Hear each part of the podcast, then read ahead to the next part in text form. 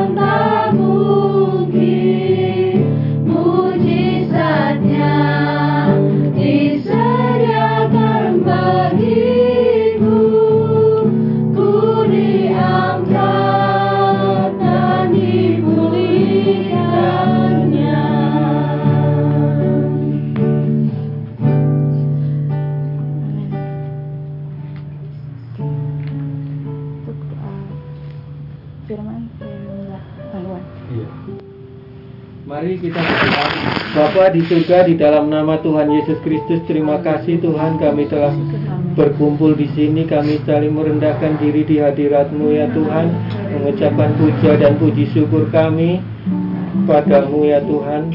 Kami mohon ya Tuhan pengurapanmu pe- pembawa firman ya Tuhan sehingga sebentar firman yang ditaburkan dapat berguna bagi nusa dan bangsa keluarga masyarakat keluarga besar kami di mana pun berada juga ya Tuhan. Kiranya Tuhan doa yang jauh daripada sempurna ini kami peralaskan hanya di dalam persekutuan dengan Roh Kudus dan Putramu yang tunggal Tuhan Yesus Kristus mempelai pria surga kami. Karena kami yakin kau memiliki kerajaan kuasa kemuliaan sampai selama-lamanya. Haleluya haleluya. Amin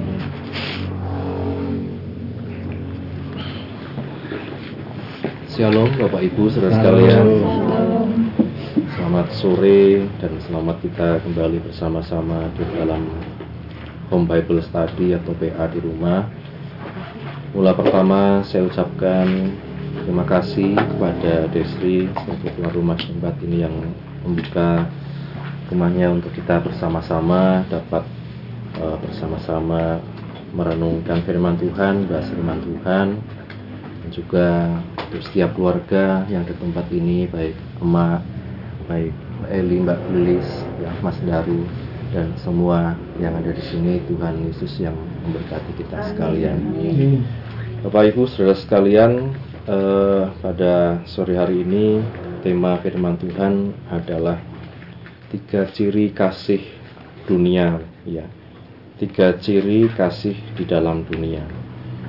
Dan kita akan melihat kembali di dalam 1 Yohanes pasal yang kedua.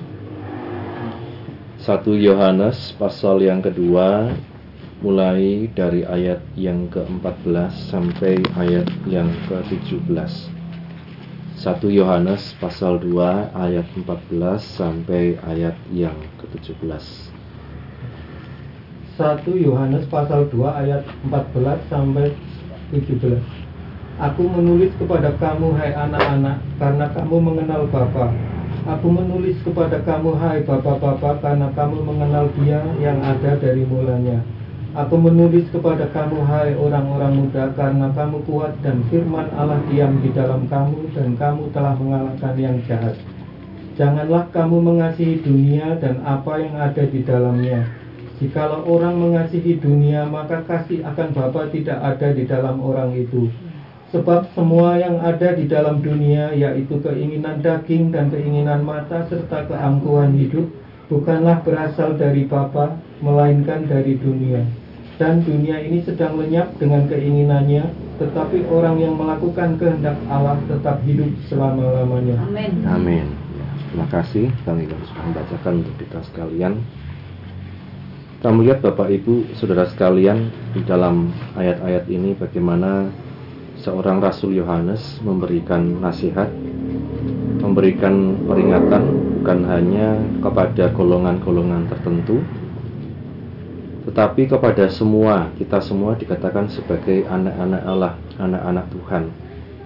Aku menulis kepada kamu, hai anak-anak, karena kamu mengenal Bapa, kepada Bapa-Bapa karena kamu mengenal Dia yang dari mulanya, kepada kamu orang-orang muda karena kamu kuat dan firman Allah diam di dalam kamu dan telah mengalahkan segala yang jahat. Nah, kita melihat di sini pengenalan kita sekali lagi seperti yang minggu lalu dan beberapa minggu ini saya sampaikan bahwa pengenalan kita pada Tuhan itu merupakan satu hal yang sangat penting di dalam kehidupan kita pribadi lepas pribadi. Mengenal Bapa, mengenal Dia yang dari mulanya. Kemudian mengenal firman Allah yang diam di dalam kita dan dikatakan kita mengalahkan yang jahat. Kita melihat di sini Bapak Ibu mengapa Rasul Yohanes mengatakan ini karena di ayat yang ke-15 dan seterusnya Janganlah kamu mengasihi dunia dan apa yang ada di dalamnya. Jikalau orang mengasihi dunia, maka kasih akan Bapa tidak ada di dalam orang itu. Ini yang kita bahas uh, Kamis lalu ya. di tempatnya Bunda tarikan bagaimana kita mengasihi dunia atau kita mengenal kasih akan Bapa. Dua hal ini sama-sama dikatakan sebagai kasih Bapak Ibu Saudara sekalian. Dua hal ini sama-sama dikatakan sebagai kasih. Yang pertama kasih akan dunia, yang kedua kasih akan Bapa di surga. Nah, karenanya sebelumnya Yohanes katakan kamu telah mengenal Bapa. Aku menulis kepada kamu hai anak-anak karena kamu mengenal Bapa, mengenal Dia yang dari mulanya. Yang menjadi pertanyaan dalam hidup kita adalah bagaimana kita mengasihi. Ya, apakah kita mengasihi dunia ini dengan apa yang ada di dalamnya, kemudian bagaimana kita juga apakah kita mengasihi Bapa yang ada yang kita kenal di dalam Tuhan Yesus Kristus. Rasul Yohanes memberikan penjelasan di ayat yang ke-16 tentang kasih dunia ini yang kita bahas dalam tema kita saat ini yaitu kasih akan dunia. Kasih dunia, cirinya dikatakan sebab semua yang ada dalam dunia yaitu keinginan daging dan keinginan mata serta keangkuhan hidup bukanlah berasal dari Bapa melainkan dari dunia. Tiga ciri atau tiga konten ya atau tiga bahan dari kasih dunia ini dikatakan adalah adanya keinginan daging, kemudian adanya keinginan mata, serta adanya keangkuhan hidup. Ya, firman Tuhan katakan itu sebenarnya yang membedakan kasih dunia dengan kasih Bapa. Kalau ada tiga hal itu dikatakan itu bukan berasal dari Bapa, melainkan dari dunia. Kita mengikut Tuhan, kita mengiring Tuhan, melayani Tuhan, mungkin berkorban bagi Tuhan, tetapi kalau hidup kita diwarnai keinginan daging, misalnya kita berbuat kepada Tuhan, kita datang kepada Tuhan, kita setia pada Tuhan hanya karena ingin dipuji orang itu sudah masuk satu keinginan daging. Kita melayani Tuhan, kita berbuat bagi Tuhan, kita setia pada Tuhan, tetapi karena di dalam hati kita kita ingin sesuatu dari Tuhan yang begitu kita inginkan yang kita rasa kalau saya lakukan ini Tuhan akan menjawab. Itu kemudian kita sudah masuk pada satu keinginan mata. Kemudian kita setia pada Tuhan, kita beribadah pada Tuhan, kita melayani Tuhan. Tetapi hanya karena agar hidup saya lebih baik daripada tetangga saya, agar orang lebih menghormati saya, agar orang lebih menghargai saya. Itu sudah masuk pada yang namanya keangkuhan hidup. Nah, karenanya Bapak Ibu Saudara sekalian, kita melihat di dalam ketiga hal ini, inilah yang menjadi warna. Inilah yang menjadi ciri dari kasih akan dunia ini. Jika kita bisa dikatakan berbuat bagi Tuhan, beribadah kepada Tuhan, mengasihi Tuhan, maka hendaknya apa pun yang kita perbuat dikatakan tidak diwarnai dengan tiga hal ini, keinginan daging, keinginan mata, keangkuhan hidup. Ya. Itu bukan berasal dari Bapa dikatakan melainkan dari dunia ini. Dan di ayat 17 dikatakan dan dunia ini sedang lenyap dengan keinginannya, tetapi orang yang melakukan kehendak Allah tetap hidup selama-lamanya. Ya, ada yang sedang lenyap, ada yang dikatakan tetap hidup selama-lamanya, yaitu orang yang melakukan kehendak Bapa, orang yang melakukan kehendak Allah. Dikatakan tetap hidup selama-lamanya, tetap bertahan sampai selama-lamanya. Sedang mereka yang mengasihi dunia ini dengan segala keinginannya dikatakan sedang lenyap, Bapak Ibu Saudara sekalian. Maka pengkhotbah pernah katakan apa yang ada sekarang sesungguhnya dulu sudah pernah ada. Dan semua itu dikatakan segala macam tren dalam dunia ini itu semuanya hanya berputar. Yang dulu sudah pernah ada, sekarang ada lagi. Ya, dulu ngetren, tidak ngetren, sekarang ngetren lagi. demikian terus berputar Bapak Ibu. Tapi dikatakan semua itu akan lenyap, sedang lenyap dengan segala keinginannya. Tapi orang yang melakukan kehendak Allah, kehendak Bapa, tetap hidup untuk selama-lamanya. Nah, ini Bapak Ibu Saudara sekalian, maka kalau kita melihat di dalam firman Tuhan, dalam berdoa pun kita melihat kita perlu memperhatikan ya. Misalnya dalam Yakobus surat Yakobus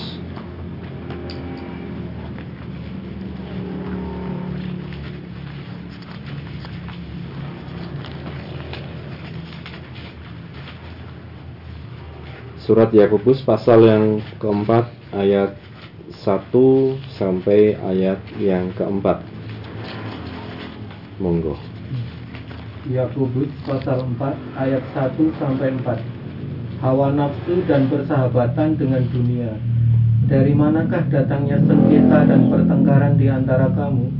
Bukankah datangnya dari hawa nafsumu yang saling berjuang di dalam tubuhmu? Kamu mengingini sesuatu tetapi kamu tidak memperolehnya. Lalu kamu membunuh, kamu iri hati, tetapi kamu tidak mencapai tujuanmu. Lalu kamu bertengkar dan kamu berkelahi. Kamu tidak memperoleh apa-apa karena kamu tidak berdoa. Atau kamu berdoa juga, tetapi kamu tidak menerima apa-apa karena kamu salah berdoa. Sebab yang kamu minta itu hendak kamu habiskan untuk memuaskan hawa nafsumu. Hai kamu orang-orang yang tidak setia, tidakkah kamu tahu bahwa persahabatan dengan dunia adalah permusuhan dengan Allah?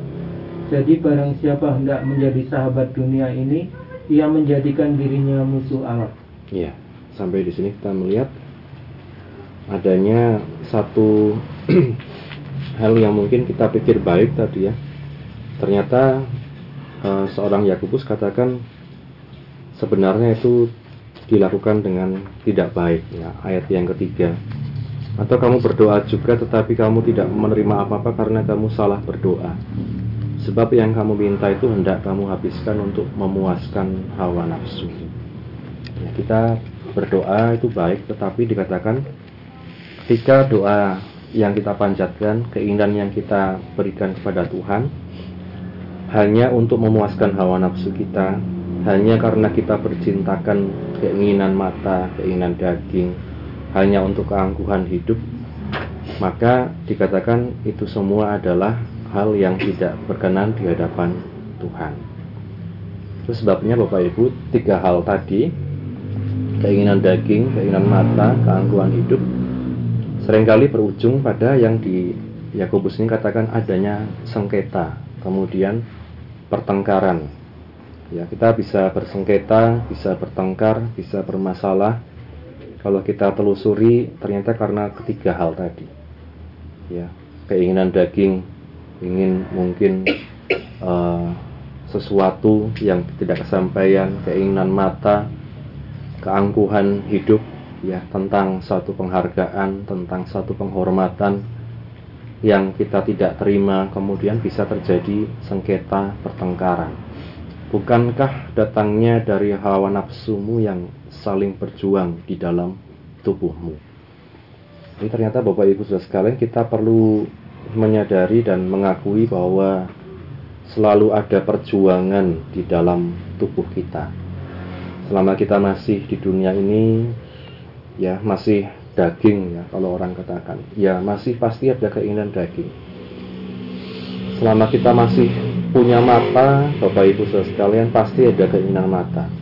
Ya, tidak mungkin tidak punya keinginan mata.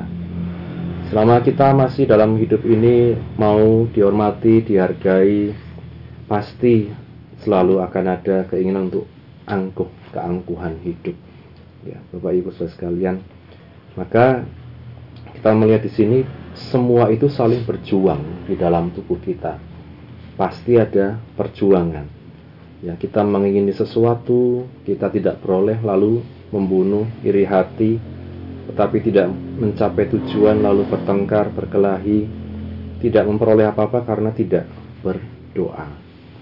Atau berdoa juga dikatakan Yakobus, tapi tidak menerima apa-apa karena salah berdoa, karena yang kita minta hendak kita habiskan untuk keinginan kita sendiri, memuaskan keinginan kita sendiri. Nah, maka Yakobus menyimpulkan bahwa persahabatan dengan dunia adalah permusuhan dengan Allah. Barang siapa hendak menjadi sahabat dunia ini, ia menjadikan dirinya musuh Allah. Ya, kemarin saya katakan bahwa bukan kita kemudian mengasingkan diri dari dunia ini, tidak bergaul, tidak bercengkrama dengan orang lain. Ya, tetapi dikatakan dunia ini berbicara tentang segala hawa nafsu dan keinginan yang ujungnya membawa kita kepada kebinasaan, kepada maut.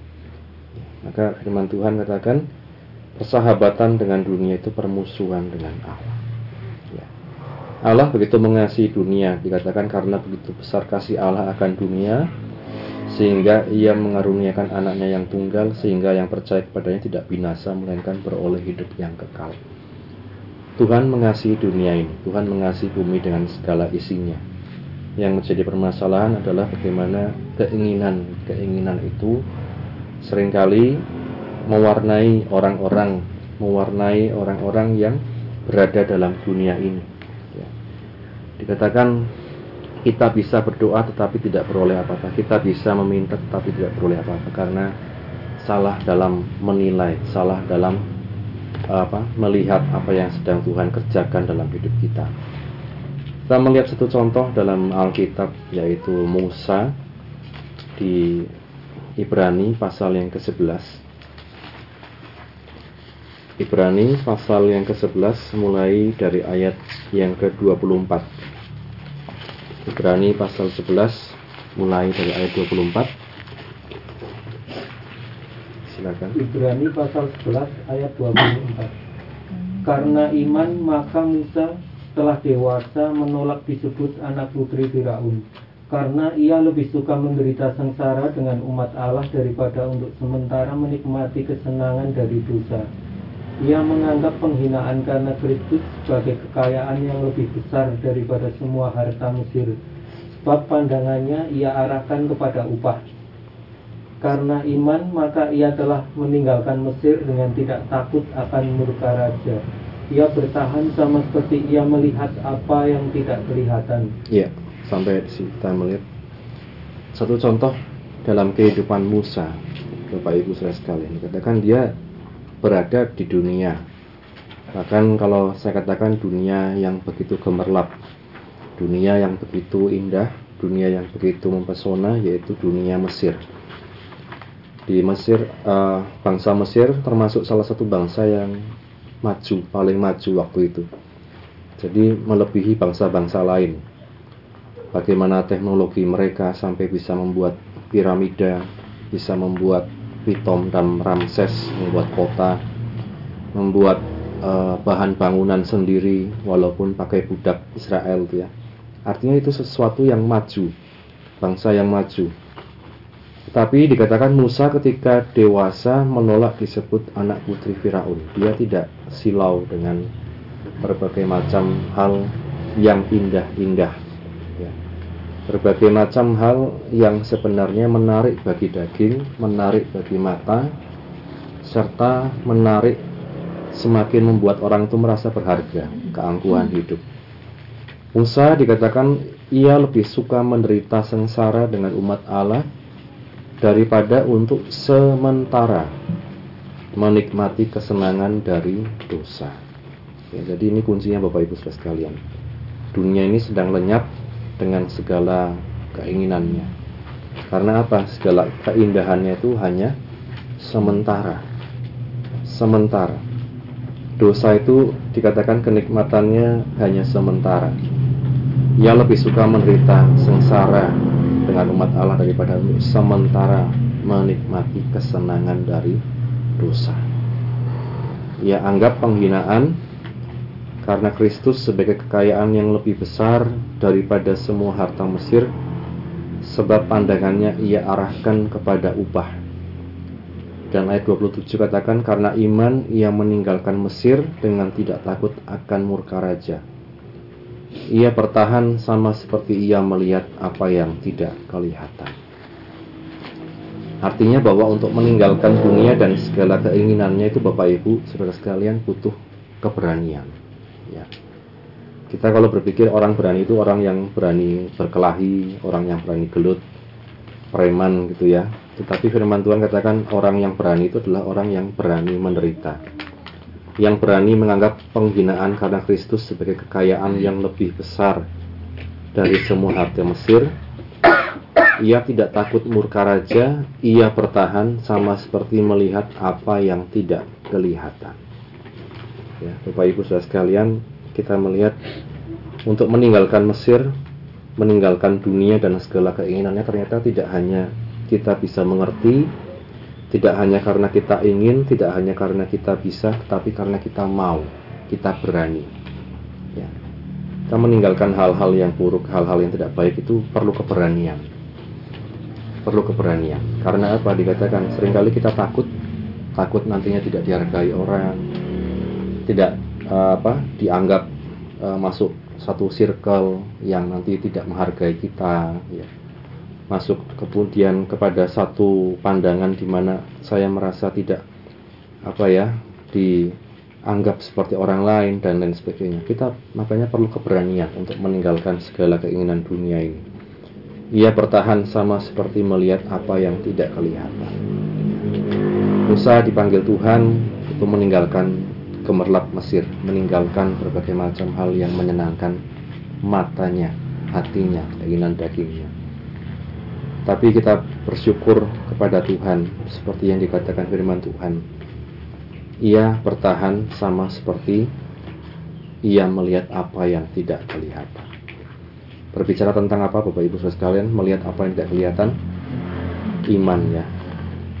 Ibrani 11 ayat 1 sini yang menjadi kunci kita untuk berani untuk meninggalkan dunia dan segala keinginannya dikatakan Ibrani 11 ayat 1 Ibrani pasal 11 ayat 1 Iman adalah dasar dari segala sesuatu yang kita harapkan dan bukti dari segala sesuatu yang tidak kita lihat.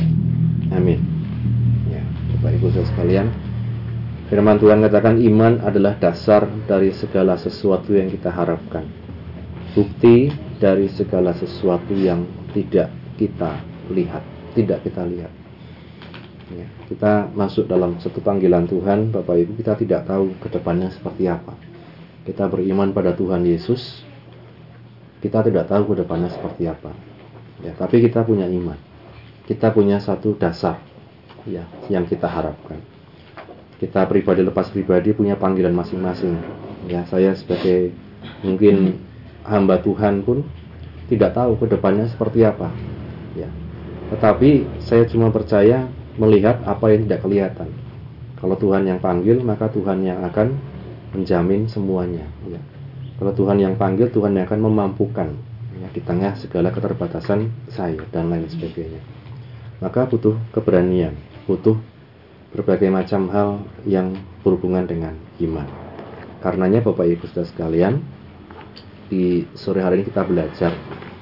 Yang pertama tiga ciri kasih dunia dikatakan ada keinginan daging, keinginan mata, keangkuhan hidup. Dan apa bagaimana sifatnya bahwa mereka itu sebenarnya sedang lenyap. Dunia ini sedang lenyap dengan segala keinginannya. Di sisi lain, untuk meninggalkan itu semua kita perlu yang namanya keberanian maka untuk ikut Tuhan itu bukan untuk orang yang apa ya, aduh takut ah nanti ikut Tuhan nanti saya tidak bisa ini tidak bisa itu. Saya nanti bagaimana? Tetapi dikatakan butuh keberanian. Dan untuk butuh keberanian kita perlu iman. Iman di dalam Tuhan Yesus Kristus. Itu yang dikatakan kita orang yang melakukan kehendak Allah dan akan tetap hidup untuk selama-lamanya. Amin. Kiranya firman Tuhan renungan ini menjadi kekuatan bagi kita sekalian supaya kita tidak terjebak dalam segala keinginan daging, keinginan mata, keangkuhan hidup yang pada akhirnya membuat lenyap. Tetapi kita mau beriman dan berani mengambil keputusan-keputusan penting di dalam hidup kita. Demikian firman Tuhan. Mungkin Bapak Ibu ada yang mau sharing atau menambahkan atau bersaksi, kami persilahkan. Baik, terima kasih. Salam Shalom. Selamat sore. Selamat sore. Pada kesempatan ini saya akan menyaksikan apa yang telah Tuhan eh, berbuat pada saya luar biasa, sederhana tetapi membuat saya ternganga ketika menyadari bahwa itu adalah Tuhan yang melakukan hari Kamis kejadiannya hari Kamis kemarin ketika eh, apa persekutuan di rumah saya ya hari, hari Kamis pagi saya begitu saya tiba di kantor saya mendapat informasi bahwa saya harus mengumpulkan beberapa dokumen. Nah, saya tenang karena dokumen-dokumen itu sudah ada di laptop saya. Ternyata setelah saya buka ada satu dokumen yang tidak ada yaitu uh, buku rekening. Saya cari di laci juga tidak ada. Ketika ada jam kosong, saya uh, izin pulang sekalian uh, apa bebenah menggelar karpet dan sebagainya itu pagi. Setelah itu saya mencari di apa di dompet yang saya gunakan untuk untuk tempat buku rekening itu di situ juga tidak ada. Saya sempat membongkar eh, buku-buku, stop mat dan sebagainya juga tidak ada. Ya sudahlah nanti begitu karena mungkin saya kemerungsung. Saya cari di mana-mana tidak ada. Sedang sorenya setelah persekutuan selesai, saya kembali bongkar lagi kamar itu. Uh, juga tidak ada di di dokumen di apa di eh, lipatan-lipatan buku baju. Tidak ketemu sampai jam 11 malam. Saya ya sudahlah pasrah. Ada satu jalan keluar sebenarnya yaitu harus membuat laporan kehilangan di kantor polisi dan e, minta lagi untuk meminta lagi e, buku rekening yang baru tetapi itu membutuhkan waktu. Hmm, hari hari Jumat besok saya pikir begitu. Ya sudahlah. Pasrah terus saya tidur. Saya tidak mengingat-ingat itu lagi. Saya tidur tanpa mimpi. Nyenyak artinya. Hmm. tapi seperti biasa antara jam 2 jam 3 itu saya pasti terbangun dan tidak akan bisa tidur lagi sampai pagi. Demikian juga pagi itu saya sekitar jam 3 saya terbangun. Anehnya ketika saya terbangun itu biasanya saya bangun langsung duduk dulu sebentar. Terus baru, baru berdiri sebentar berhenti baru berjalan. Karena e, katanya orang seumuran saya ini kalau langsung e, bangun jalan bisa jatuh katanya begitu. Nah tetapi pagi itu tidak.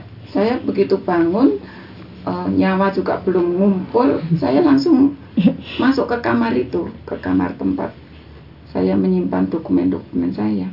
Tangan saya langsung uh, seperti saya tahu bahwa di situlah buku rekening yang saya cari di meja, di laci yang kemarin juga sudah saya buka-buka. Ternyata rekening itu ada di situ. Uh, saya keluar lagi, saya duduk. Kok begitu mudahnya? Saya bangun tidur itu belum belum ngumpul nyawa saya. Tetapi saya sudah langsung masuk ke kamar itu langsung ngambil.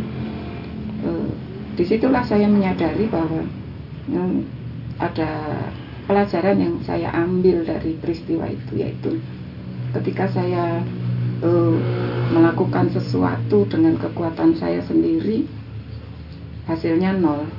Tetapi Tuhan menunggu saya tunggu kamu menyerah gitu ya. Mungkin di sananya sudah tidur saja kamu? Gitu. Setelah tidur eh, Tuhan mungkin menunggu-nunggu saya bangun. Setelah saya bangun baru saya dibimbingnya ke kamar itu. Saya dibimbingnya eh, saya ditunjukkan di situlah letaknya. Di situ saya benar-benar eh, apa heran akan apa yang Tuhan lakukan.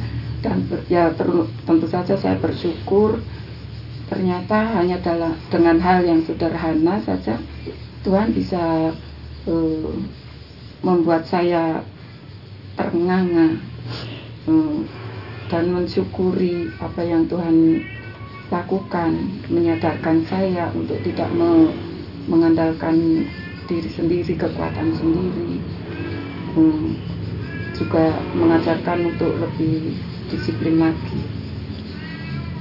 Eh, itu yang saya dapat saya saksikan sore hari ini. Saya yang ibaratnya eh, kadang-kadang menyepelekan, nakal, kadang-kadang tidak eh, apa, kadang-kadang tidak mengandalkan Tuhan. Tuhan memperhatikan saya. Apalagi kalau saya rajin, kalau saya eh, betul-betul patuh melaksanakan semua firman Tuhan, seperti apa Tuhan menyayangi, pasti lebih dari apa yang saya eh, terima pada hari itu. Sekian, terima kasih. Terima kasih Bunda untuk kesaksiannya menguatkan kita sekalian mengandalkan Tuhan selalu dalam segala perkara sekecil apa pun Tuhan yang tolong. ya. Silakan Bapak Ibu yang melanjutkan. Selamat sore saudara-saudara. Sore. Namanya Daru. Saya mau menceritakan pesta cinta kasih Tuhan menurut saya. Banyak kaitan Tuhan yang luar biasa buat kehidupan saya. Terutama dalam kehidupan pribadi, pribadi dan pekerjaan. Yang sangat ekstrim itu sangat ada pekerjaan. Yang pertama saya banyak cerita sebelum saya berdoa satu yang saya angkat saya sebelum duduk di bangku setir saya bekerja Tuhan selamatkan saya. Jadi pekerjaan saya itu berkat untuk orang lain keluarga dan selalu dijauhkan dari belakang tapak-tapak dari segala pekerjaan itu kemarin ya nggak sih nggak nggak hanya hari raya kemarin ya kan sampai kemarin itu banyak banget volume volume dalam kendaraan itu banyak sekali tapi dijauhkan saya udah kedua kejadian mobil diserempet dan mobil belakang saya ditabrak. Hancur belakang saya ditabrak bis tapi Tuhan halau semua tapi dilalah bukan saya yang bawa. Dan sebelumnya mobil saya diserempet juga sama elek hancur. Itu sama itu juga bukan saya. Itu bukan Tuhan dan doa-doa keluarga sama istri dan orang semua teman-teman saudara seiman kita semua. Saya tidak tahu jadi apa. Dan yang kedua banyak teman-teman yang mungkin mereka mau merubah iman saya. Dia sering saya kamu kalau berdoa tuh doa apa sih? Ya kamu berdoakan apa? Loh, kalau kamu berdoanya gimana? Saya tanya balik kan. Dia ya nyong ya. Berdoanya ya. Main musik main musik ya bodoh terus doanya begini. Yesus yang selamat ya selamat lah ya ngono kan. Saya tahu itu ini pertanyaan pertanyaan mengarah ke mana saya udah tahu. Saya terangkan seperti yang saya ceritakan tadi. Oh gitu. Dan saya bilang dewe ki kerja ojo nganti. Sia-sia. Kerja jujur dalam arti saya juga bekerja dalam arti teman-teman mereka yang di belakang dalam arti keluarga ya. Mereka tuh banyak.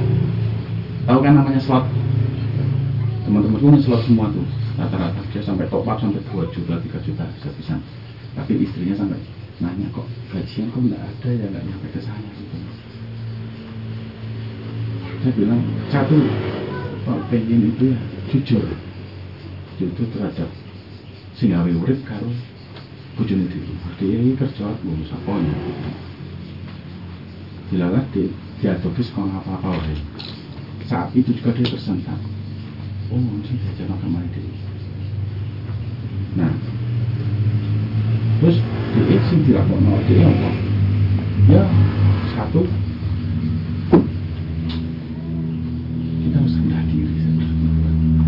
tahu sendiri kan saya di saya banyak ada banyak orang yang banyak mengingin, menginginkan apa yang saya punya. Dalam arti tem-teman saya saya mobil saya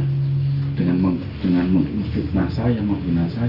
Karena saya Kristen sendiri tidak ada. Yang semuanya itu rata-rata lain iman semua. Banyak menginginkan saya. Yang katanya dari yang begini begitu begitu begitu. Tapi saya cuma hanya diam. Saya cuma ngomong ke atasan saya. Kalau ada yang menginginkan saya kasih. Aku tak muter ora apa-apa. Tak nyerep promo nyerep ini yang penting saya kerja saya dapat uang saya gajian saya pulang. Saya tidak mau duduk-duduk di bercemooh tapi atasannya bilang dia kan menilai kok kamu diem aja? Saat kamu dihina. Karena saya saat saya berbicara Tuhan aku nggak kuat aku ya dalam arti semenjak istri saya hamil ini apalagi sekarang kelaminnya wanita ya jenisnya saya harus banyak diam banyak sabar. Aku nggak kuat Tuhan kemarin ada masalah teman saya ngajak saya berantem di di terminal. Cuma saya padahal saya nggak niat ngomong apa-apa. Tapi dia tersinggung saya diam saya cuma diam dong kamu kenapa marah kenapa kamu membanting SPJ kamu depan saya? Salah saya. Dia lah terima. Sekarang kamu pukul saya nggak paham. Itu saya nggak tahu tapi kalau kehidupan sebelumnya saya nggak tahu itu saya nggak tahu apa yang saya lakukan. Karena apa? Tuhan bilang kamu sabar. Pokoknya dalam intinya Tuhan tuh memaksa saya tuh "Cak, kamu rendahkan kamu harus rendah rendah direndahkan. Benar-benar direndahkan. Tapi hati dagingnya wajar ya. Berontak berontak gitu loh. Aku nggak bisa dalam arti menunjukin menungso ono daging itu pasti tapi hasilnya luar biasa. Setelah pekerjaan itu saya ngerasain mas gue dapat kerja orang sing ngelakukan DE orang apa-apa DE langsung maju. Orang nomo sing tak kapit posisinya DE setelah ini ini Tuhan selalu diam dan berdoa. Itu yang saya lakukan. Seperti apa yang mau Tuhan karena saya selalu harus banyak libatkan Tuhan. Di tengah-tengah pekerjaan yang dalam dan yang banyak apa kalau dalam itu menghalalkan segala cara untuk keinginannya sendiri. Pokoknya kita kasih Tuhan hari ini luar biasa buat saya. Pertama keselamatan dan apa pun kesehatan yang saya terima walaupun kemarin tensi saya sempat naik tapi kecapean itu tuh itu aja yang saya sampaikan yang banyak bekerja dalam saya terima kasih Puji Tuhan, terima kasih Pak Daru atas kesaksiannya dalam dunia pekerjaan, setiap tantangan yang dihadapi, dan Tuhan yang selalu membela. Ada lagi Bapak Ibu? Aduh, terima kasih. Puji Tuhan, Bapak Ibu, Shalom semuanya. Shalom. Karena kasih Tuhan, saya masih boleh ada sampai hari ini. Oleh karena kemurahan Tuhan, saya masih diberi kesempatan untuk saya terus dibaharui oleh Tuhan, dibentuk oleh Tuhan, satu proses pertobatan yang harus saya kerjakan setiap setiap hari. Bapak Ibu, saya mau menyaksikan bagaimana kemurahan Tuhan ya saya mau menceritakan pertama anak saya Gabriel tapi awal mula saya katakan bahwa hidup kami sekarang sering melibatkan Tuhan. Dibandingkan sebelum-belumnya saya harus jujur katakan bahwa kalau yang tahun-tahun yang dulu saya terus terang kurang melibatkan Tuhan. Saya putuskan apa pun sendiri ya suka melibatkan Tuhan tapi belum sepenuhnya. Sekarang saya se- sekecil apa pun kami berdua dalam keluarga kami di Jakarta sama anak sama khususnya sama Gabriel ya karena saya seringnya selalu bersama Gabriel kami selalu melibatkan Tuhan singkat cerita anak saya keterima terpilih eh, Kementerian Pendidikan itu mengadakan kampus Merdeka. kampus apa ya Pak ya lupa ya Merdeka. ya? kampus Merdeka itu di- dibuat untuk siswa-siswi yang berprestasi yang IP-nya 3,8 bahkan di atas dan puji Tuhan eh, dengan kemurahan Tuhan anak saya itu diberikan suatu gairah semangat yang belajar memang baik saya puji Tuhan. Dia bertanggung jawab dalam pendidikan. Eh, dia juga eh, berkomitmen di dalam dia mempergunakan dia masih di bangku untuk menikmati pendidikan. Nah, anak saya kepilih dan pada waktu tanggalnya wawancara sebelumnya kami telepon sama keluarga pastori kami mengatakan terima kasih bahwa doanya anak saya terpilih anak saya terpilih untuk nanti eh, oleh pemerintah pertukaran pelajar akan dikirim ke fakultas yang semuanya negeri dan semuanya punya nama gitulah kalau secara dunia ini ya. Dia punya nama gitu benar-benar bagus. Dan waktu wawancara waktunya jam wawancara tiba. Anak saya wawancara langsung lewat laptop oleh pemimpin pusat dari BSI langsung dipilih anak saya katakan pada uh, bapak bapak kenapa pilih saya? Saya kan anak biasa pak. Saya nggak gitu pintar gitu. Dia ngomong begitu. Terus bapak itu katakan saya yang pilih kamu. Kamu akan mewakili BSI kami akan kirim kamu. Terus singkat cerita anak saya oke pak saya mau gimana kira-kira? Karena untuk tahun ini pemerintah yang memilih yang menaruh siswanya yang di Pulau Jawa akan dikirim ke luar Jawa. Nggak bisa milih sendiri. Dan anak saya bingung di situ. Terus ada juga eh, pembiayaan dari pemerintah dapat 3,8 juta 3 juta 800 dan hanya akan diberi satu juta kekurangannya itu eh, mereka tidak berani berjanji kapan gitu. Dan anak saya katakan pak saya cuma dikirim di mana? Antara Sulawesi Sumatera apa mana ya? Satunya tuh bukan Sumatera. anak saya bingung.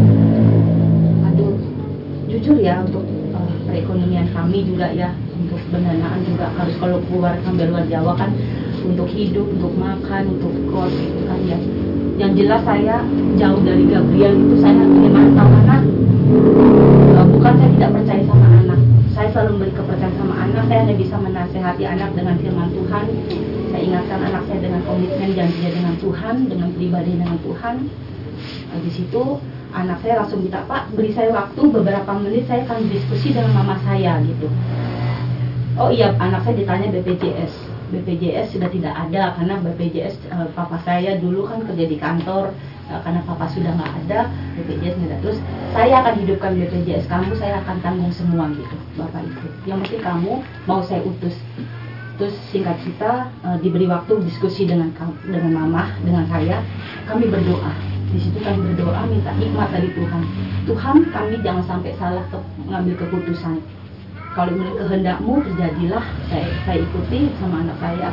Kalau tidak ya nggak apa-apa Tuhan. Lalu kami dalam pendamai sejahtera katakan kami tolak. Kami tolak dengan alasan satu dengan dua hal. Akhirnya nggak apa-apa ya mah mama kecewa nggak? Mama marah nggak? Enggak mama nggak marah. Nggak apa-apa. Terus anak saya katakan kembali lagi ke atas eh, diskusi lagi dengan pimpinan pak maafkan saya ya Pak, saya tidak mengecewakan Bapak. Bapak sudah menaruh percayaan sama saya, tetapi saya tidak bisa Pak. Gitu. Kalau di luar Jawa, tidak bisakah saya memilih di Pulau Jawa saja Pak? Tidak bisa, Gabriel. Gitu.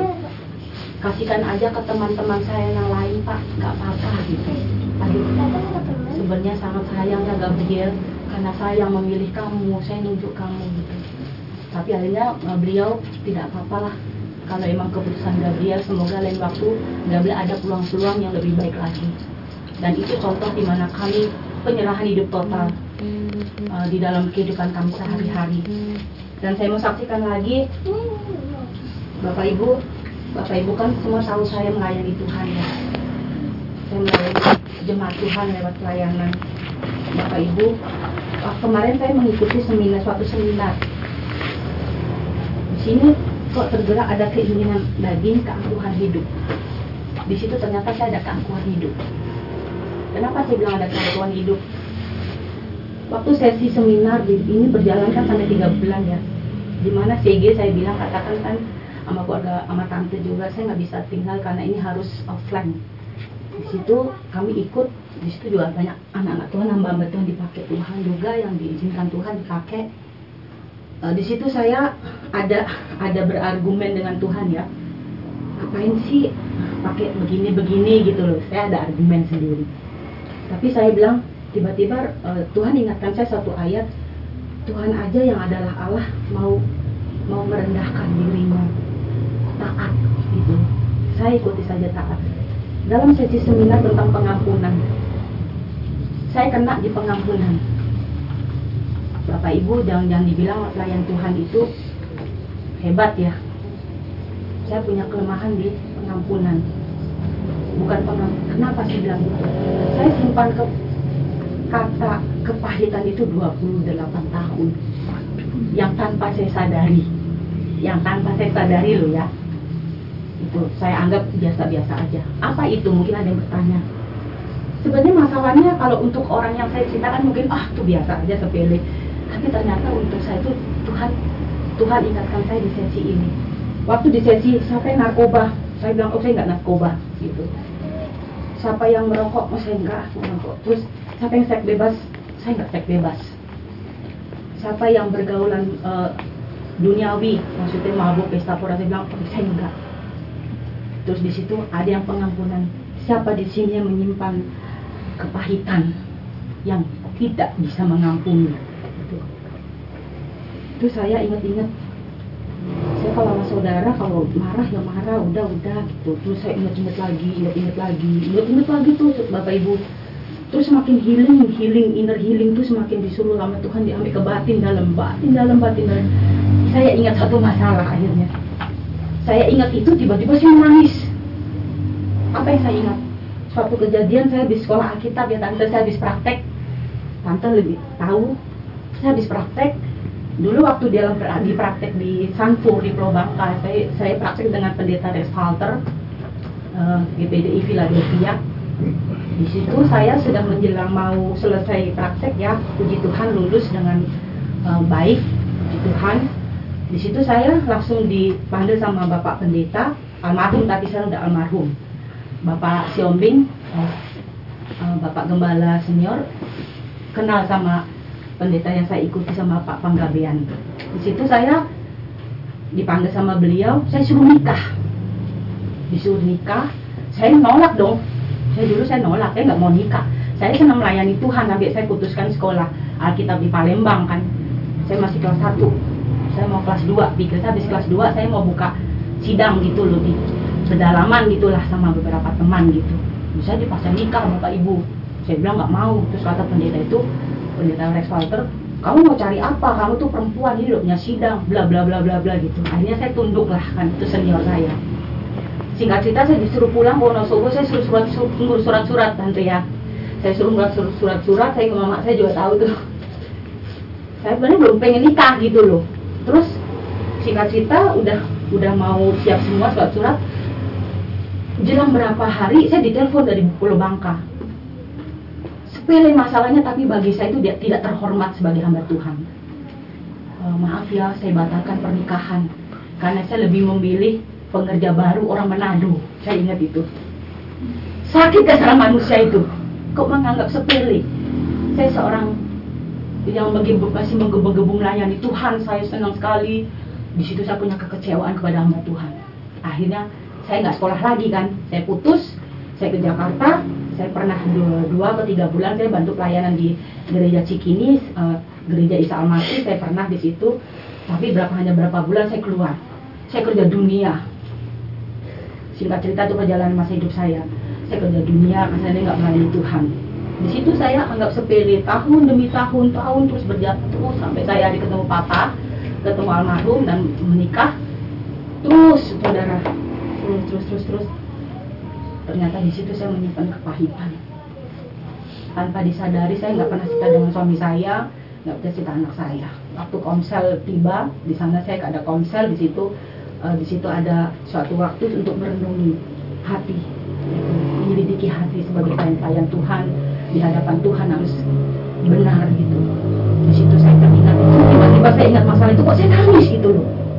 Nangis yang benar-benar nangis saya di situ saya ditanya kenapa?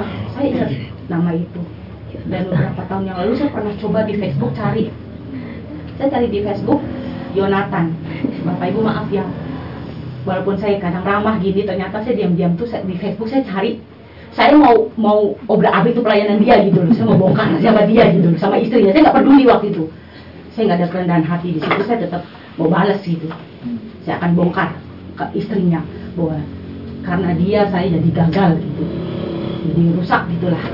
Di situ saya itu, pikiran-pikiran yang masih masih kita belum di eh, benar dijama di jawa Tuhan lagi gitu ya di situ saya menangis saya didoakan. Di situ saya disuruh mendoakan namanya Yonatan ya. Saya disuruh mendoakan saya disuruh sebut namanya saya berat mulut saya. Nggak mau gitulah. Sakit banget rasanya. Ingat itu jadi terulang lagi masa lalu itu. Ternyata saya punya luka batin saya punya luka batin yang harus diobati sama Tuhan saya bisa mengampuni. Terus saya diingatkan kami kita semuanya semua yang ada di situ kasih kasih Tuhan. Ternyata saya aja bisa nyimpen loh itu 28 tahun. Sesuatu hal yang aduh saya luar biasa. Tuhan itu emang hebat. Nyelidiki sampai ke dalam. Kalau di luarnya udah bagus Tuhan mau taruh lagi cari lagi yang di dalam tuh. Busuk-busuknya tuh di mana tuh di dalam bener saya nggak bisa mengampuni. Saya siapa pun saya bisa ampuni gitu. Tapi kenapa dia tuh saya masih rasanya tuh kalau ingat dia tuh uh, jengkel banget rasanya. Kayak marah deh rasanya. Tapi puji Tuhan hari itu saya saya angkat tangan saya saya menangis. Pokoknya saya disuruh ngeluarin semua. Tuhan kondisi hati mau berdoa. Saya berdoa saya nangis saya eh, waktu saatnya saya bilang udah siap kamu mendoakan akhirnya saya dengan tetesan itu air mata tuh keluar sendiri nggak saya buat buat itu keluar sendiri saya nangis sama Tuhan Tuhan ampun sendiri. Tuhan ampuni saya, saya pelayan Tuhan berarti nggak berkenan sama ini. Itu saya nggak baik, saya kan membawa dampak jelek buat jemaat. Apa yang saya layani kalau saya itu nggak baik dari diri saya ada sesuatu yang nggak baik itu akan ber- berdampak yang nggak baik juga secara roh gitu kan, secara yang nggak kelihatan gitu kan. Harus benar pelayan-pelayan Tuhan harus benar gitu di situ diselidiki kelakuan saya harus mengaku semua dan tidak boleh ada dusta di antara kita. Sekarang belajar jujur, apa pun jujur, saling setia satu dengan dengan yang lain. Di situ saya doakan, saya katakan, saya dengan menangis tuh bapak ibu. Yunata, saya ampuni kamu. Sepele loh, tapi itulah. Saya nangis itu kan. Saya ampuni kamu. Saya ampuni, saya berkati pelayanan kamu, saya berkati istri kamu, saya berkati anakmu, saya berkati jemaat-jemaatmu, saya doakan semua. Itu dengan air mata. Mata saya bengkak. Gak main-main loh. Tuhan berperkara di hal itu. Dua- 28 tahun. Sampai anaknya bengong.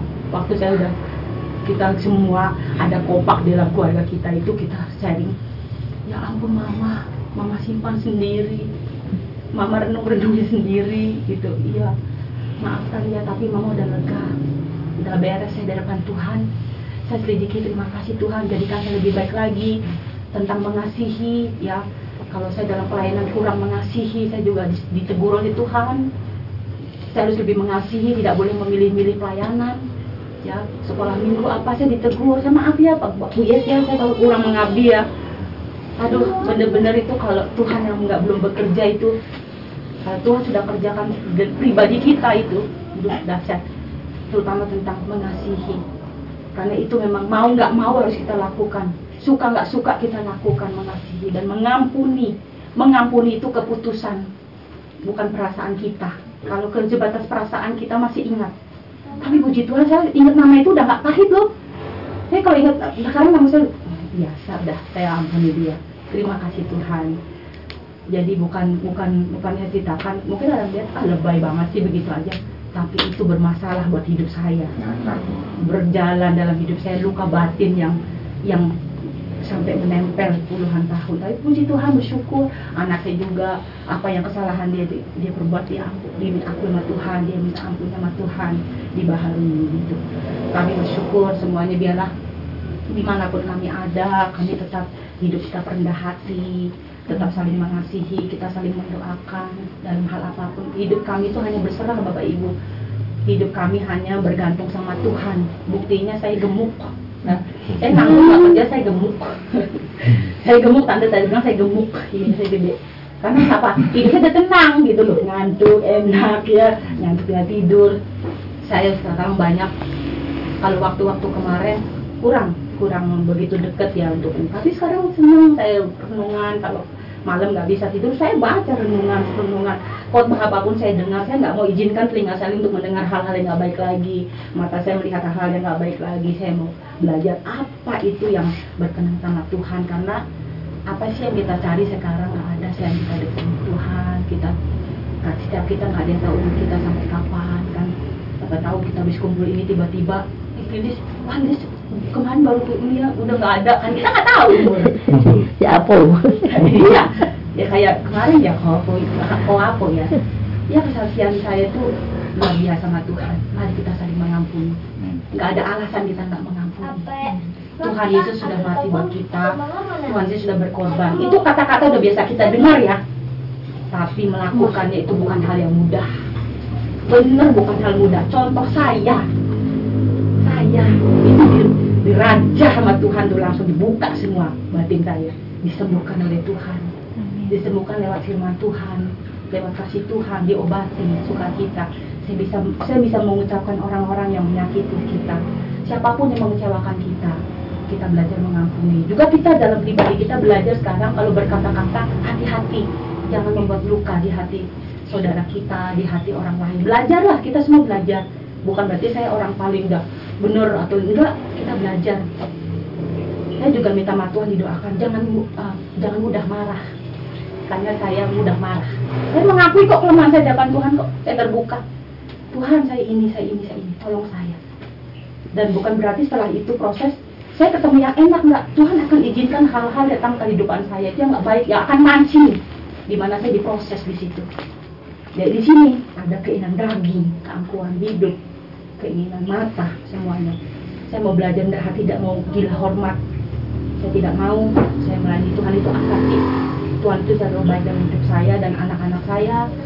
Dan sampai saya hari ini ada pun kehidupan saya saya heran. Saya nggak kerja tapi ada aja berkat dari Tuhan.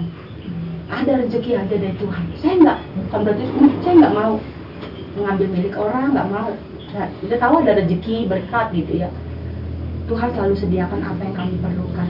Kemarin Bapak Gembala kalau nggak salah membawa renungan mencukupkan. Saya selalu dengarkan kok Pak Gembala.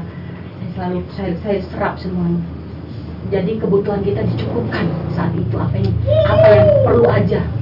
Dan kita kalau lagi dihadapkan gitu kita tetap bersyukur sama Tuhan. Jadi nggak harus berlimpah kelebihan nggak. Tapi Tuhan cukupkan untuk yang kita perlukan itu disediakan buat Tuhan. Ini sih kesaksian saya puji Tuhan. Kiranya kesaksian saya boleh menjadi berkat dan kita saling membangun satu dengan yang lain. Dan saya juga pribadi kepada Bapak Ibu Gembala saya minta maaf ya kalau saya dan anak-anak saya. Dan salah salah ada kekurangan sama Ibu Benasir juga Ibu Ibu Ibu Susana saya minta maaf saya minta maaf ya kalau bisa ada kekurangan ada kelemahan. Bapak Ibu semua saudara-saudara emak saya juga ya emak saya juga saya, saya suka saya bentak-bentak ya karena suka suka susah. Tapi bentak saya juga kasih gitu ya. Saya minta sama emak saya sama adik saya semuanya. Ini kesan saya dan nama Tuhan lah yang dipuji dan dipermuliakan. Amin. Terima kasih Mbak Lilis untuk kesaksiannya yang memberkati kita sekalian. Dan mungkin selanjutnya kita akan berdoa syafaat.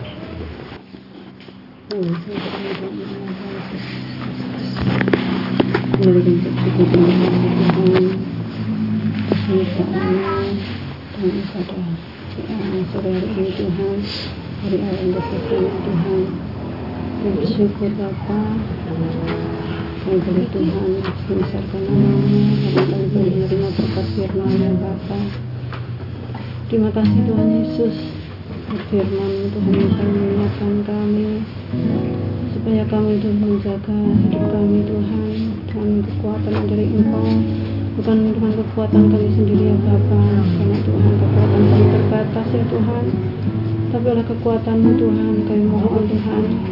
Biar kami mampukan ya Tuhan Kemampukan kami ya Tuhan Untuk mentaati setiap firman dalam hidup kami Bapa. Supaya kami Tuhan boleh mempunyai keberaniannya Tuhan Untuk Tuhan melepaskannya Tuhan Sekarang Tuhan. Eh, Keinginan daging, mata maupun keangkuhan hidup ya Tuhan. Tapi boleh selalu berserah kepada Bapa Mengandalkan Engkau melipatkan dalam setiap kehidupan kami semua ya Tuhan. Terima kasih Tuhan Yesus tolong kami ya Roh Kudus berikan kami kekuatan berikan kami kemampuan ya Tuhan untuk menjadi pelaku-pelaku firman-Mu Tuhan.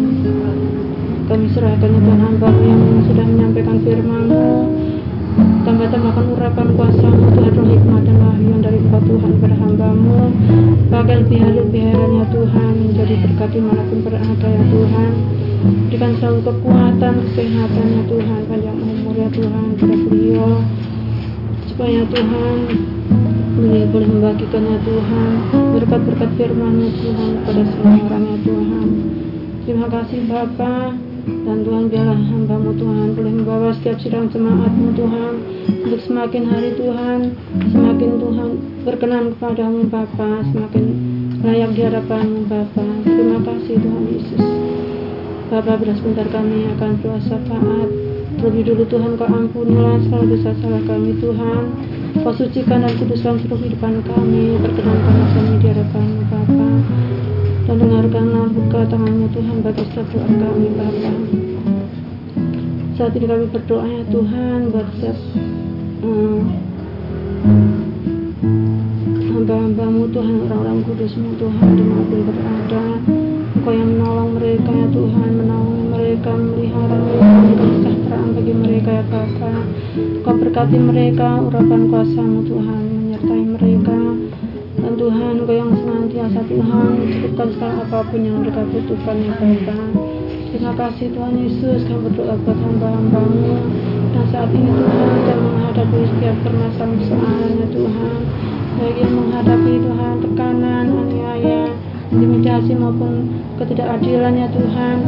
Tuhan tolong Tuhan sendiri yang menolong mereka. Tuhan berikan kekuatan iman kepada mereka Bapa Terima kasih Tuhan Yesus. Bapa kami berdoa untuk setiap pekerjaanmu Tuhan di seluruh muka bumi ini. Khususnya di GPGH ya Tuhan. Apa pun itu sifat dan bentuknya Kau senantiasa ya Tuhan yang menolong. Kau campur tangannya Tuhan berkati ya Tuhan. Demikian ya Tuhan. Oh Tuhan. Oh, rencana besok ya Tuhan untuk oh, Tuhan hambamu Bapak Gembala. oh, Bapak Ibu Gembala saya juga Ibu Nasihat terus para rombongan yang akan oh, Tuhan menuju Sidoarjo ya Tuhan. Yang akan mengikuti ya Tuhan Paskah bersama. Dari Lombok ya Tuhan. Tuhan tolonglah mereka ya Tuhan. Engkau senantiasa Tuhan menolong, melihara mereka, menyertai mereka semua Tuhan. Memimpin mereka, berkati mereka ya Tuhan, berikan kekuatan kesehatan kepada mereka semua ya Tuhan. Engkau yang Tuhan yang memimpin perjalanan mereka ya Tuhan dari berangkat sampai perjalanan hingga oh Tuhan di tempat ya Tuhan di tujuan dalam keadaan selamat tanpa kurang suatu apa pun demikian juga kembali ya Tuhan kau sopo ya Tuhan dan selama di sana Tuhan setiap kegiatan yang diadakan kau berkati kau campur tangan ya Tuhan terima kasih Tuhan Yesus sehingga semua boleh terlaksana dengan baik berjalan dengan lancar Tuhan. Dan semua untuk puji dan kemuliaan namamu saja. Terima kasih Tuhan Yesus setiap dana-dana yang dibutuhkan kau yang cukupkan semua Bapak kendaraan yang mereka tumpangi kau jamah dengan kuasamu Bapak sehingga tidak ada gangguan apa pun di dalam nama Yesus Kristus kau buat lancar semua Tuhan. Terima kasih Bapak. Saat ini juga kami berdoa ya Tuhan untuk saudara-saudara kami ya Tuhan. Uh, di mana pun berada ya Tuhan. Kami serahkan dalam tangan kuat kuasamu baik dalam kota luar kota. Baik yang oh Tuhan yang bekerja yang kuliah ya Tuhan. Yang oh Tuhan mencari masih mencari pekerjaan mencari tempat kuliah ya Tuhan. Juga ya Tuhan yang sudah berumah tangga Tuhan kami serahkan mereka semua dalam tangan kuat kuasamu dalam pemeliharaanmu Tuhan penjagaanmu Tuhan. Kau memberikan eh, senantiasa kesejahteraan bagi mereka ya Tuhan. Berkatmu Tuhan limpah atas mereka. Ya Tuhan kau ingatkan mereka selalu Tuhan. Untuk ingat akan engkau Tuhan. Untuk selalu Tuhan eh, selalu taat setia kepadamu Bapa di mana pun berada ya Tuhan. Untuk selalu melibatkan Engkau dalam setiap urusan kehidupan mereka Bapa. Terima kasih Tuhan Yesus. Kami serahkan ya Tuhan anak-anak sekolah minggu, ke muda remaja Tuhan masa depan mereka Tuhan.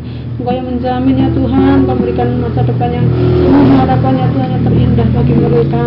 Menjadi orang-orang yang berhasil beruntung ya Tuhan, menjadi orang-orang yang sukses ya Tuhan, menjadi saksimu Tuhan, menjadi berkat bagi semua orang ya Tuhan. Terima kasih Tuhan Yesus, terima kasih. Kami berdoa ya Tuhan buat uh, saudara-saudara kami Tuhan yang saat ini Tuhan dalam keadaan sakit ya Tuhan. Baik oh Tuhan uh, Mbak Tu Mbak, uh, Mbak Jum ya Tuhan. Juga Oma dari Ibu Bambang ya Tuhan.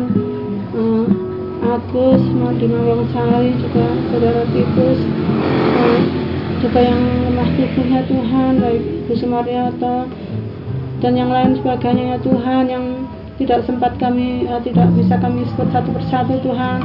Tapi Engkau sendiri yang mengetahui mereka ya Tuhan. Tuhan sendiri ya Tuhan yang menjamah mereka di dalam nama Yesus Kristus. Oleh kuasa darahmu Yesus. Engkau Tuhan yang menjamah mereka ya Tuhan. Memberikan kekuatan, kesehatan, kesembuhan bagi mereka Bapa. Selamat tubuh Tuhan memberikan kekuatan ya Tuhan. Terima kasih ya Tuhan. Kau memberikan kekuatan iman pada mereka untuk tetap ya Tuhan berpaut kepadamu ya Tuhan apa pun yang terjadi. Terima kasih Tuhan Yesus terima kasih. Yang Tuhan susah Engkau hiburkan ya Tuhan yang dalam mengalami permasalahan persoalan. Kau campur tangan berikan jalan keluar ya Tuhan. Terima kasih Tuhan Yesus kami berdoa ya Tuhan buat eh, kami semua ya Tuhan yang hadir sore hari ini ya Tuhan Engkau yang mengetahui Tuhan setiap isi hati kami kerinduan kami Tuhan. Semua kami serahkan dalam tangan kuat kuasamu Bapa. Engkau yang Tuhan yang memberikan kelegaan bagi kami Tuhan. Memberikan penghiburan bagi kami Tuhan. Kau menguatkan iman percaya kami kepadamu Yesus. Terima kasih Tuhan. Dan kau berkati ya Tuhan. Eh, keluarga Mbak Sri Tuhan di tempat ini ya Tuhan. Baik emak juga ya Tuhan. Dan keluarga besar ya Tuhan di mana pun berada anak-anak menantu cucu Oh Tuhan, titip ya Tuhan. Engkau yang menolong, memelihara ya Tuhan. Engkau ya Tuhan yang memberkati mereka semua di mana pun berada. Engkau berikan selalu kekuatan, kesehatan ya Tuhan bagi mereka semua. Terima kasih Tuhan Yesus, terima kasih. Engkau Tuhan yang memberkati. Ibu penasehat ya Tuhan. Eh, Semakin hari Tuhan, semakin Oh Tuhan sehat ya Tuhan Kau berikan panjang umur ya Tuhan tubuh jiwa roh yang sehat ya Bapa. Demikian juga Bapak Ibu Gembala saya ya Bapa. Apa pun yang menjadi kerinduan ya Tuhan beliau-beliau menjadi doa-doa beliau-beliau Tuhan. Kami percaya Engkau sendiri ya Tuhan yang mengetahui Tuhan. Dan Engkau yang sanggup melaksanakannya Tuhan tepat pada waktumu Bapa. Terima kasih Tuhan Yesus terima kasih dan Tuhan kami serahkan kembali seluruh kehidupan kami semua. Selanjutnya dalam tangan kuat kuasamu Bapa. Biarlah apa pun Tuhan yang akan kami masing-masing lakukan kerjakan berbuat ya Tuhan perkatakan ya Tuhan. Maupun dipikirkan ya Tuhan. Semua Tuhan kami serahkan dalam tangan kuat kuasamu. Biarlah engkau sendiri ya Tuhan yang menolong Tuhan. Engkau yang oh Tuhan menyertai yang campur tangan memimpin menuntun akan mengendalikannya ya Tuhan supaya semuanya ya Tuhan boleh berkenan kepadamu menjadikan pujian dan kemuliaan bagi namamu Bapa dan mendatangkan kebaikan bagi kami semua. Terima kasih Tuhan ajarlah kami Tuhan berikan kami kekuatan untuk semakin hari semakin berserah bersandar dan berharap kepadamu Bapa. Terima kasih Tuhan Yesus. Dan bila sebentar ya Tuhan kami juga semua akan kembali ke rumah masing-masing. Yang jauh yang dekat Tuhan kau sendiri yang menyertai. Melindungi kami semua Tuhan sehingga kami semua boleh sampai di rumah masing-masing dalam keadaan selamat tanpa kurang suatu apa pun. Terima kasih Tuhan Yesus terima kasih. Inilah doa kami Tuhan, kami menyadari masih jauh dari sempurna Tapi kami percaya Tuhan, Kau sendiri yang menyempurnakannya ya Bapa. Dan ampunilah segala dosa salah kami Tuhan. Ampuni segala pelanggaran kami Tuhan. Dan Kau ajarlah kami untuk mengampuni setiap orang yang bersalah kepada kami Tuhan. Sebagaimana Engkau sudah mengampuni kami terlebih dulu Tuhan Dengan penuh kasih, dengan tulus ya Tuhan Terima kasih Tuhan Yesus, terima kasih. Dan seluruh doa ini Tuhan Kami minta, kami serahkan, kami panjatkan Hanya di dalam nama Tuhan Yesus Kristus Kaulah mempelai pria surga kami. Haleluya. Amin. Tuhan memberkati engkau dan melindungi engkau. Tuhan menyinari engkau dengan wajahnya dan memberi engkau kasih karunia. Tuhan menghadapkan wajahnya kepadamu dan memberi engkau damai sejahtera. Doa ini kami naikkan dalam nama Tuhan Yesus Kristus